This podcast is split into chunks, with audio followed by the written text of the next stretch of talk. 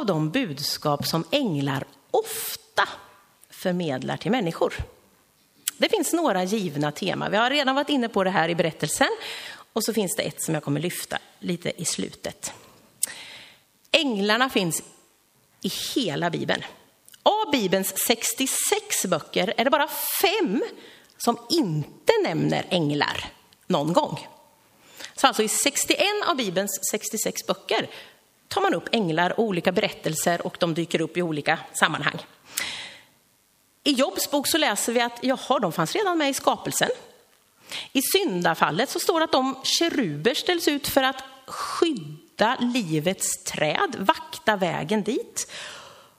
En av de mest välkända berättelserna har vi precis fått se illustrerat väldigt eh, tydligt och konkret hur ängeln skyddar Daniel i lejongropen. Du kan ju själv bara något ögonblick fundera, hur många berättelser kan du komma på lite snabbt sådär från Bibeln, från söndagsskolan, från din egen läsning, där du har hört talas om änglar i Bibeln? Jag tror att vi alla kan komma på en eller flera. Hagar är ett exempel. Det var ett gnissel där hemma. Sara och Abraham har inte riktigt skött korten gentemot sin tjänarinna eller slavinna. Hon är mobbad och utstött och det är gnissel, så hon rymmer hemifrån ifrån Sara och Abraham. Och så är hon där ute i öknen. Vad händer då? Då kommer en ängel till Hagar. Och mitt i hennes bedrövlighet och önskan om att det här kan inte vara mitt liv, då möter hon en ängel med bud från Gud. Och hon upplever sig sedd av den levande guden. Så hon ger Gud ett namn efter det här mötet med ängeln. Hon säger, du är seendets Gud. Ängeln gör att hon känner sig sedd av den levande guden. Abraham när han sätts på prov, ni kommer ihåg berättelsen hur han ska ta sin son och gå till Moria berg och där offra Isak. Det är en Herrens ängel som ropar stopp, gör det inte. Det är inte det Gud har tänkt. Det är en Herrens ängel som säger nej, Gud har andra planer för dig och för Isak. Jakob, när han flyr från sin bror Esau och ligger där med huvudet på en sten som huvudkudde, då drömmer jag, då ser han Guds änglar gå upp och ner mellan himmel och jord på en stege. Vid uttåget ur Egypten är det ängeln som leder Guds folk. I berättelsen om Biliam och hans åsna, ja då är Biliam det är en icke-judisk profet, präst, religiös ledare på något sätt, som ändå har förmågan att lyssna till den levande guden. Han får i uppdrag av Moabs kung att förbanna Israels armé. Han ger sig iväg på sin åsna. Men åsnan börjar helt plötsligt och trilskas ett antal gånger. Så stannar den och den lägger sig och den tar nya vägar. För åsnan har sett en ängel som hindrar dem att gå. Flera gånger. Biliam beter sig inte så bra. Han slår sin åsna. Till slut så öppnas också Biliams ögon och han får se ängeln. Och han får budskapet, Biliam, du kan inte förbanna det som Gud välsignar. En ängel kommer med bud från Gud. Jag hade faktiskt profeten Elia som exempel. När man läser om Elia så är det faktiskt som man kan tycka, han verkar djupt deprimerad. De symptom också som, som han visar, det är hur vi människor kan känna när vi är helt utmattade eller på gränsen till depression. Mat, sömn, vila och ängens närvaro gör att han får kraft att resa sig från en djup depression. För de flesta judar så var änglar högt uppsatta andliga varelser. Änglarna hade varit med vid Sina i berg när judarna hade fått lagen och lagen var ju liksom Guds uppenbarelse. Så det här var viktigt. Änglar hade en tydlig position. De var absolut viktiga. I Döda havsrullarna, i de texterna så kan man ana att här finns det tendenser som talar om ärkeängeln Mikael att i den messianska tiden så kommer han att ha någon form av väldigt högt uppsatt position. Och i urkyrkan så började det komma tendenser att man började dyrka änglar. Det var liksom inte bara att det var andeväsen sända av Gud, utan de höll nästan på att få en status i likhet med Gud. Så Paulus går faktiskt flera gånger till rätta med detta. För det är gnostiska rörelser också som börjar med änglakulter. Och nu ska jag läsa ifrån Hebreerbrevet, det första kapitlet. Och med förståelse för att i den judiska kulturen i det här sammanhanget så har änglarna en hög status, men på gränserna i vissa sammanhang att de alltså blir avgudar, att de kommer i vägen för Jesus, att de får ett alldeles för stort fokus, vilket det också i våra tider ibland får. Det är som att vi änglarna blir så stora i vissa sammanhang att de faktiskt skymmer Jesus. Och då har de inte riktigt rätt plats. I första kapitlet Hebreerbrevet, verserna 1 till 14, jag kommer att läsa några av dessa verser. Och det börjar med att Hebreerbrevets författare sätter en tydlig gräns mellan änglaväsen och Jesus. Och han ordnar, liksom rangordnar dem. Kristus är överst. Och så beskriver han änglarnas roll och tjänst. Och han, Kristus, som är utstrålningen av Guds härlighet och en avbild av hans väsen och som bär upp allt med kraften i sitt ord. Han har renat oss från synden och sitter på majestätets högra sida i höjden. Han har blivit mycket mäktigare än änglarna som det namn han har fått i arv är förmer än deras. Ty aldrig har Gud sagt till någon ängel, du är min son, jag har fött dig idag. Eller, jag ska vara hans far och han ska vara min son. Och när han låter sin förstfödde son träda in i världen säger han, alla Guds änglar ska hylla honom. Aldrig har han sagt till en ängel, sätt dig på min högra sida så ska jag lägga dina fiender som en pall under dina fötter. Är inte änglarna andar i Guds tjänst? Sända att tjäna dem som ska få del av frälsningen. Här är det tydligt. Andeväsen som är under Kristus. Kristus är den som har dött, har uppstått, vad stod det? Renat oss ifrån våra synder. Änglarna, det är de som ska tjäna Gud och även de som ska få del av frälsningen. Änglarna är alltså sända för att också bistå oss i det vi behöver. Precis som vi fick se ett väldigt tydligt exempel på en skyddsängel som hjälpte Daniel i lejongropen. Det verkar också som om änglar väldigt, väldigt tätt dyker upp när det handlar om frälsningshistorien. Alltså det här skeendet om när Gud ska rädda sitt folk. Vi kan bara titta på vad är det som händer i samband med att Jesus ska födas.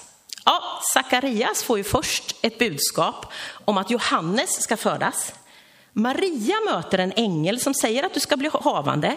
Josef får besök av en ängel som säger, nej men ta hand om Maria, det här är lugnt, det här är Guds verk, du behöver inte vara orolig. När Jesus föds, det är en hel hög av herdar som ser himlen öppna sig och det är en skara av änglar som lovsjunger Gud.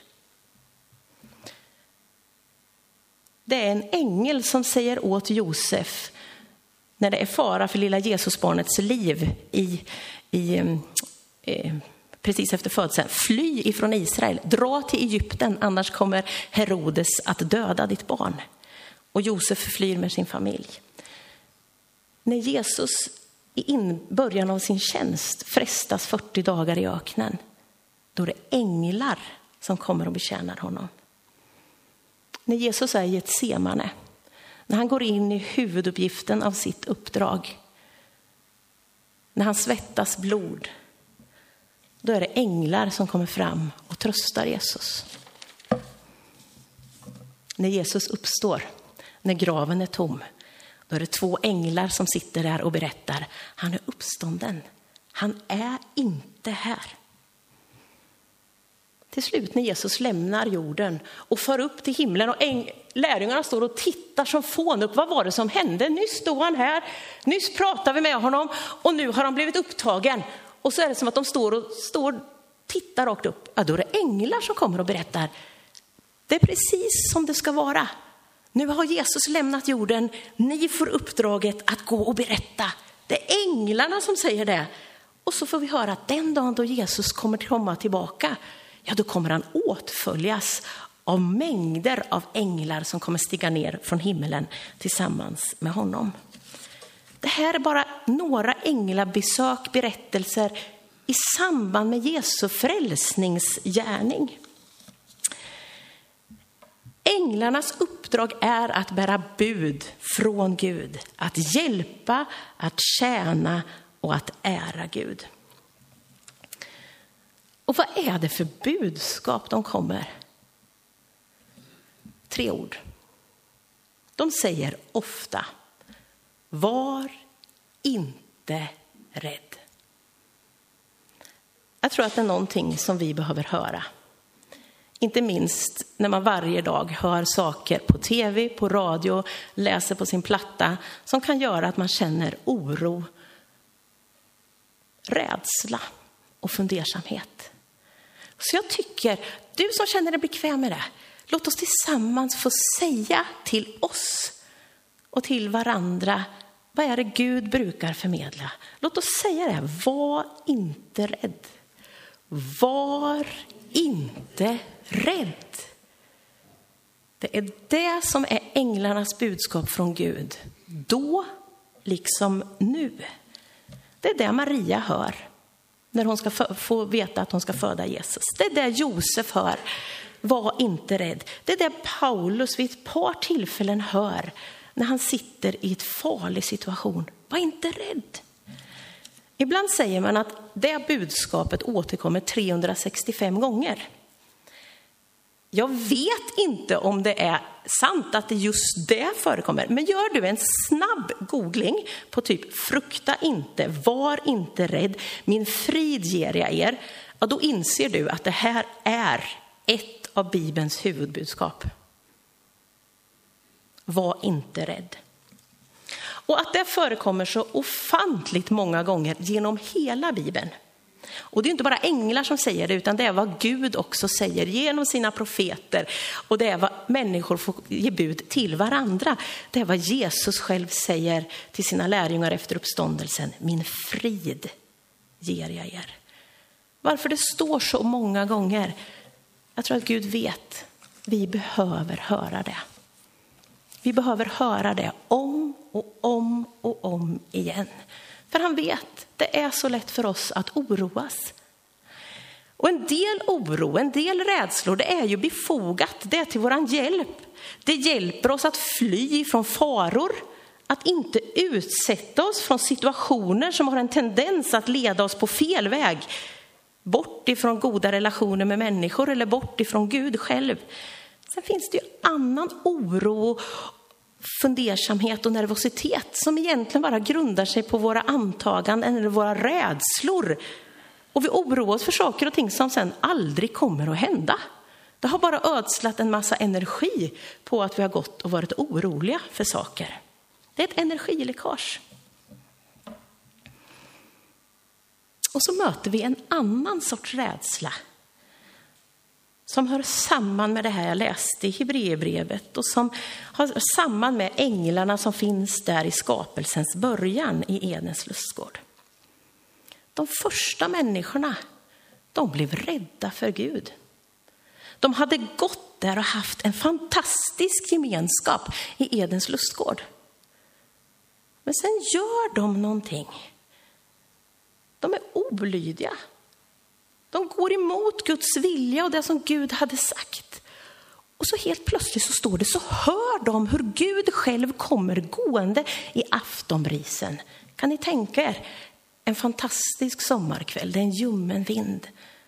Människorna hör Gud komma och de blir livrädda och de springer och gömmer sig för de har sett att de är ju nakna. Och så går Gud och så ropar han, Adam, var är du? Och så svarar Adam, jag hörde det komma i trädgården och jag blev rädd eftersom jag är naken och så gömde jag mig. Det här är en rädsla som förkrymper människor, som binder oss, som gör att vi vill krypa in i våra skal och som vill gömma oss. Att vi inte vågar visa dem vi verkligen är. För vi vet att vi har gjort något tokigt. Vi vet att vi har gjort någonting som har sårat, som, har som är fel. Kanske du kan känna igen dig i den här känslan sen. Att du har känt dig låst, bunden. Du kanske till och med har svårt att be för du känner att det är något i ditt liv som gör att du inte är fri. Och så får du tillräckligt mycket mod och beslutsamhet för att faktiskt ta tag i det. Att be om förlåtelse, att säga som det är och att få det här upprättat. Och vilken otrolig befrielse det är när man ber om förlåtelse, när man vågar visa den man fullt ut är. Reaktionen är naturlig för de första människorna, för Gud är helig. Gud är fullkomligt ren, fullkomlig i sin kärlek, i sin allsmakt, i sin kunskap om oss människor. Och i mötet med Guds helighet och renhet och fullkomliga kärlek, ja då blir ju våran brustenhet otroligt tydlig. Så rädsla är en naturlig reaktion. Men i första Johannesbrevet så läser vi att rädsla hör inte ihop med kärlek. För kärlek fördriver rädsla. Och Gud bevisar sin kärlek till oss genom att Kristus stod för oss medan vi ännu var syndare. Och vad var det vi läste i, ifrån Hebreerbrevet? Kristus har renat oss ifrån synden. Vilket gör att vi behöver inte vara rädda för Gud. När Gud ropar, människa var är du? Kom fram ur ditt gömsle.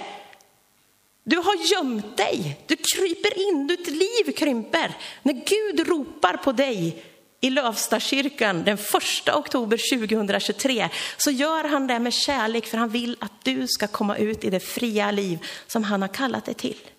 Och när vi vänder oss bort ifrån det som är fel och som vi vet sårar och leder åt tokigt håll och vänder oss till Gud, då vet vi att det finns kraft bakom orden.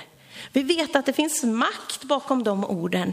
Det är den Gud som har gett sitt liv som säger, var inte rädd.